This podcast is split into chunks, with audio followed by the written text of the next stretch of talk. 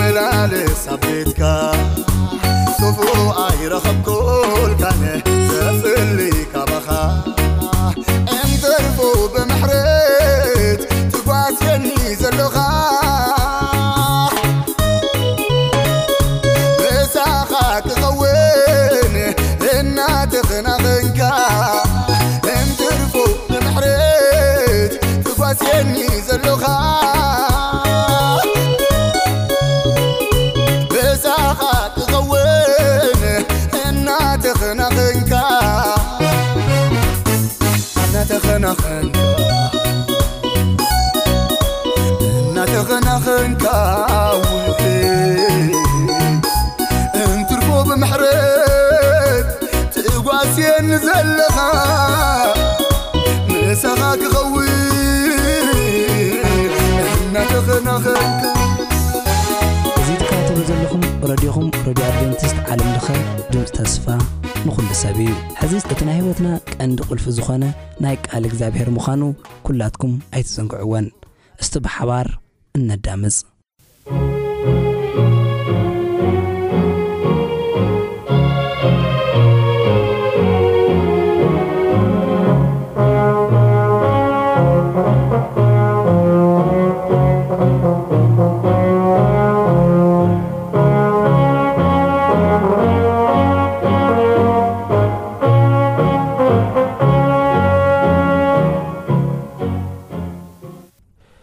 ሰላም ኣብ ቦትኡ ኮንኩም ረድታትኩም ከፊትኩም እናተኸታተልኩምና ዘለኹም ክብራ ሰማዕቲ ኣብ ናይ ሎሚ ናይ ቃል ግዜና ንሪኦ ኣምላኽ ዓብዪ ነገር ዝገብር ጎይታ እዩ ብዝብል ኣርእስቲ ኢና ቅድሚ ምጅማርና ግን ሕስር ዝበለ ጸሎት ክንጽሊ ኢና ልዑል ፈቃር እግዚኣብሄር ኣምላኽና ስለዚ ግዜን ስለዚ ሰዓትን ነመስግነካ ሕጂ ድማ ንሆ ቃልካ ክፊትና ኣለና እሞ ንስኻ ኻብ ቃልካ ክተምህረና ቃልካ ክነስተውዕል ድማ ጸጋኻ ክተብዝሓልና ንለመነካ ጎይታ ስለዚ ንስኻ ደግፈና ምርሓና ብጎይታና መድሓንስ ክርስቶስ ስም ኣሜን ኣብ ዝሓለፈ ናይ ቃል ግዜና መሓዙት እዮብ ንእዮብ ዘዕርፍ ቃላት ክንዲ ምዝራብ ንእዮብ ከም ዝፈረድዎ እቲ ንኩሉ ዝፈርድ ጎይታ ቅምምፁ ክንፈርድ ከም ዘይብልና ተማሂርና ርና ከምኡ ውን እዮብ ፀልሚትዎ እኳ እንተነበረ ሂወት እግዚኣብሄር ንላዓሊ ተራእየ ክሪኦ ከምዘይክእል ንጎኒ ተራእየ ክከይድ ከምዘይክእል እቲ መንገዲ እግዚኣብሄር ጠፊእዎ እኳ እተነበረ ነገር ግን ሓደ ርግፅ ነገር ይፈርድ ከም ዝነበረ ኢና ንርኢ ንሱ ድማ ኣምላኽ እታ ዝኸዳ ዘሎ ጎደና እዮብ ዘለዋ ቦታ ይፈልጥ ከም ዝነበረ ንዕኡ ወይ ድማ እዮብ ድማ ብወርቂ ጎደና ይመርሖ ከም ዝነበረ ወርቂ ኮይኑ ብዝወፅኣሉ ከም ወርቂ ዘብለጭልጨሉ መገዲ ይመርሖ ከም ዝነበረ እዮብ ብርግፅ ፈሊጡ ነይሩ እዩ ሎሚ ድማ ንሪኦ ኣምላኽ ዓብዪ ነገር ዝገብር እዩ ዝብል እዩ ኣብ እዮ ምዕራፍ 19 ኪና ንርኢ ኣሉዋን እንታይ ይብል እቶም ዕርኽቱ ብጣዕሚ ምስ ተዛሪቦም ምስ ኣሰልቸውዎ ሸኽሞም ንክሰክስክሉ ብሕታውነት ንክስምዑ ምስ ገበሩ እዮብ ከምዚ ኢሉ ተዛሪቡ ነይሩ እዩ ብጣዕሚ ዝገርም ኣገላልፃ እዩ እዚ ግናኸ እቲ ዝብጀወኒ ህያው ምዃኑ ፈልጥ ኣሎ ንሱ ኣብ መወዳእታ ኣብ ልዕሊ ምድሪ ክቐውም እዩ እዚ ቖርበተይ ምስ ጠፍአ ድማ ሽዑ ምስ ስጋይ ንኣምላኽ ክርኤ ኣነ ባዕላይ ክርኤ ኣዒንተይ ክርኤ ካልኣ ኣይኮነን ኮላልተይ ኣብ ውሽጢ ሓቂቑ ንስኻትኩም ሱር እቲ ነገር ኣባይ ዘሎ መሲልኩም ምስ ጎጎብ እንተበልኩም ፍርዲ ከም ዘሎ ምእንቲ ክትፈልጡ መቕፃዕቲ ሓጢኣሲ ሰይፊ እዩ እሞ ንሰይፊ ፍርህዎ ኢሉ ከም ተዛረቡ ይምና ንርኢ ሕጂ ኣብዚ ክሪኦ ዝደሊ ሓሳብ ኣብቲ ፍቕዲ 25 ፍቕዲ 26 ዘሎ ኣብ እዮ ምዕራፍ 19 ሓሳብ እዩ እዮብ ተስፋ የለን ኣብ ምድሪ ቶም ኣለዉኒ ዝብሎም ተፈልዮምን እዮም እግዚኣብሔር እውን ኣብዚ ምድሪ በቃ ልሞስ ገዲፈኒ እዩ ዝፅበየን ዘሎ ሞት እዩ ንምንታይ ከ ህወተይ ዘንውሕ ኢሉ እውን ሓቲቱ ነይሩ እዩ ኣብ እዮብ ሽዱሽተ ፍቕዲ ዓሰርተ ሓደ ከይድና ክንሪኢ ከለና ንምንታይ እዩ እንታይ እዩ ትዕላምኡ እንታይ ኣለኒ ተስፋ ድሕሪ ሕጂ ንምንታይ ንምንታይ ድዩ ትወስደኒ ኢሉ ጸልዩ ነይሩ እዩ እንታይ እዩ እቲ ተስፋይ ኢሉ ጸልዩ ነይሩ እዩ ምክንያቱ ኣብ ቅድሚኡ ዘሎ ሓሊፉ ክርኢ ስለ ዘይክእል ከምዚ ኢሉ ጸልዩ ነይሩ እዩ እዮም ተስፋ ካብ ምቑራጹ ዝተላዓለ ማለት እዩ ኣምላኽ ግን መዓልትታትን ዕድመን ዝውስኸልና ሰቓይና ከብዝሕ ዘይኮነስ ነገር ግን ዓብዪ ነገር ኣብ ቅድሜና ስለ ዘሎ ናይቲ በረኸት ተኻፈልቲ ንኽንከውን እዩ እዮብ መጻኢ ህይወቱ እንታይ ከም ዘሎ እኳ ተደይረኣየ እግዚኣብሄር ግን ኣብ ቅድሚት ዘሎ ናይ እዮብ ነገር ርእዩ ነይሩ እዩ እዮብ ናይዚ ሓፂር ኩነት ርእዩ እንታይ ተስፋይ ደይትወስደኒ ንምንታይ ደይመውት ኢሉ እኳ ተተዛረበ እግዚኣብሄር ግን ምስ እዮብ ኣይተሰማምዐን ነቲ ኣብ ቅድሚት ዘሎ በረኸት እዮብ ዝረኽቦ በረኸት እዮብ ዝረኽቦ ምጽንናዕ እዮብ ዝረኽቦ ተስፋ እዮብ ዝረኽቦ ለውጢ ከም ወርቂ መንፈሳዊ ህይወቱ ክብልጭለጭ ምርኣይ ብዝበለጸና ናይ ኣምላኽ ክብሪ ዘንጸባርቕ ኣጉሊሑ ዘርኢ ኮይኑ ኣብ ቅድሚት እግዚኣብሔር ይርዮ ስለ ዝነበረ እዮብ ብእዮብ ኣዝዩ ይሕጎስ ነይሩ እዩ ምንም እኳ እዮብ ኣብ ቀረባ ግዜ ርዩ ተሓዘነ ማለት እዩ ዝኾነ ኮይኑ ኣብዚ ተስፋዊ ምቑራፅ ከሎ ግን ሓደ ነገር እዮብ ተዛሪቡ እዩ ንሱ ድማ እንታይ እዩ ተስፋ ተተሳእነ ተስፋ እንተዘየለ ብዙሕ ሽግራት እንተበፅሐ ነገር ግን እግዚኣብሔር ንእዮብ ተስፉኡ ካብ ምዃኑ ዕርሓቐን ነይሩ እዮብ ድማ ኩሉ ነገር እኳ ዘተሳእነ ዳግም ምጽኣት ናይ ክርስቶስ ግን ተስፍኡ ከም ዝኾነ ተረዲኡ ነይሩ እዩ እወ ኣሕዋተይ ኣብዚ መሬት ዘሎ ኩሉ ነገራት ተስፋና ኢና ንብሎ ኩሉ ነገራት እንተጠፍእ እኳ ኩሉ ኻባና ተተወስደ እኳ ነገር ግን ናይ የሱስ ክርስቶስ ዳግም ምጻት ተስፋና እዩ ነገራት ኩሉ ተጸልመተና እኳ ነገር ግን ናይ ክርስቶስ ዳግም ምምላስ ብኽብሪ ምምላስ ተስፋና እዩ ነቶም ንኣምላኽ ዝኣምኑ ናይ ክርስቶስ ዳግም ምላስ ተስፋና እዩ ሓዋርያ ጳውሎስ ንቲቶ ኣብ ጸሓፈሉ መልእኽቲ ናይ ክርስቶስ ዳግም ምምላስ ምጽኣት ክርስቶስ ዝተባረኸ ተስፋ እዩ ኢሉ ተዛሪቡ ኣሎ ንሱ እዩ ዝተባረኸ ተስፋ ተስፋታት ኩሉ እንተ ተሳእኑ ተስፋታት ኩሉ ኣብዚ መሬት ኣብዚ ምድሪ ከለና እንተ ተቋረፁ ነገር ግን ናይ የሱስ ክርስቶስ ዳግም ምጻት በረኸት ዘለዎ ተስፋ እዩ ምጽንናዕ ዘለዎ ተስፋ እዩ ኣብኡ ክንውከል ኣለና ኢሉ ተዛሪቡ ነይሩ እዩ ነዚ እዩ ኣብ ምሒር ተስፋ ምቑራፅ ሰጢሙ ከሎ እዮብ ናይ ክርስቶስ ዳግም ምጻት ግን ተስፋኡ ምዃኑ ይርኢ ነይሩ እዩ እንታይ ኢሉ ግና ኸ ኢሉ እቲ ዝብጀወኒ ህያው ምዃኑ ፈልጥ ኣለኹ ህያው እዩ ሕጂ እውን ንሱ ክምለስ እዩ ንዓይ ክወስደኒ ህይወተይ ክሕድስ ሓዘን ኣብ ዘይብሉ ሞት ኣብ ዘይብሉ ስቓይ ኣብ ዘይብሉ ጭንቀት ኣብ ዘይብሉ ኣውያት ኣብ ዘይብሉ ሰማይ ክወስደኒ ክመፅ እዩ ህያው እዩ ንሱ ህያው እዩ ንድሕሪኡ ክዛረብ ከለኹ ንሱ ኣብ መወዳእታ ብ ልዕሊ ምድሪ ክቀውም እዩ እዚ ህያው ዝኾነ በይዛ ኣብ መወዳእታ ንብዓተይ ካብ ዒንተይ ክደርስ ኣብ ምድሪ ክቐውም እዩ ከጸናንዓ ምድሪ ክቐውም እዩ እግዚኣብሔር መስገን ስለዚ እዚ ቖርበተይ ምስ ጠፍአ ድማ ሽዑ ምስ ስጋይ ምስ ስጋይ ንኣምላኽ ክርእ ኢሉ ብድፍረት ከም ዝዛርብ ኢና ንርኢ እዚ ምፅንንዑ ክገብር ከሎ ኢና ንርኢ ንህይወቱ ንፍሱ ብርትዐ ከምፀሉ ከሎ ኢና ንርኢ ማለት እዩ ብጣዕሚ ዝገርም ሓሳብ እዩ ኣነ ባዕለይ ክርኤ እየ ይብል ኣነ ባዕለይ ክርኤ ኣዒንተይ ክርኤ እየን ካልእ ኣይኮነን ኣነ ባዕለይ እዩ ዝርኦ ኢሉ ክኣምን ከሎ ኢና ንርኢ ኣብታ ሓጢኣት ዘይብላ ሰማይን ምድርን ሓድሽ ሰማይን ምድርን ዝነብሩ ሰባት ብክርስቶስ ዝኣምኑ እዮም ብክርስቶስ ዝኣምኑ ጥራሕ ኣይኮኖም ግን ብክርስቶስ ኣሚኖም ከም ፍቓዱ ምምላስ ጸኒዖም ከም እዮብ ዝነብሩ እዮም ነዚ እዩ እዮብ ብእሙንነት ብርእሰ ተኣማንነት እዚ ህያው ዝኾነ በይዛይ ክርኤኤ መድሓንየይ ክርኤኤ ኣነ ባዕለይ ክርኤ ክግንዘቡ እየ ኢሉ ከምዚ ዝዛረብ እዩ መፅሓፍ ቅዱስ ዝዛረበና ስለዚ ኣሕዋትይ ኣብዚ ቃል እዚ ክልተ ዓበይቲ ነገራት ከስምረለን ንደሊ ቀዳማይ ኣብዚ ምድሪ ተስፋታት እንተጠፍእ እኳ ናይ ክርስቶስ ዳግም ምጽኣት ኣብ ዮሃንስ ወንጌል ምዕራፍ 14 ዝተዛረቦ የሱስ ክርስቶስ ማለት እዩ ካብ ሓደ ክሳብ ሰለስተ ዝተዛረቦ ቃል እንሆ ልብኹም ኣይሸበር ልብኹም እውን ኣይደንግጽ እንሆ እኸይድ ኣለኹ ስፍራ ከዳልወልኩም እኸይድ ኣለኹ ስፍራ መሰዳለኽልኩም ኣነ ተመሊሰ ክመጽእ እየ ናብቲ ስፍራ ዘዳለኹልኩም ድማ ናብኡ ክወስደኩም እየ እሞ ልብኹም ኣይሸብር ልብኹም እውን ኣይደንግጽ ኣይፍራሕ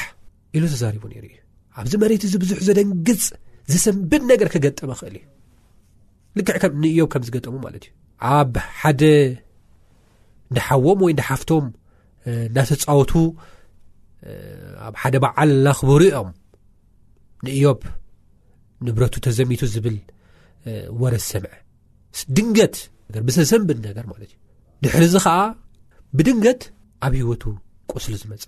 እና ኣዚ ዝሰንብድ እዩ ግን እዚ ዝስንብድ ነገራት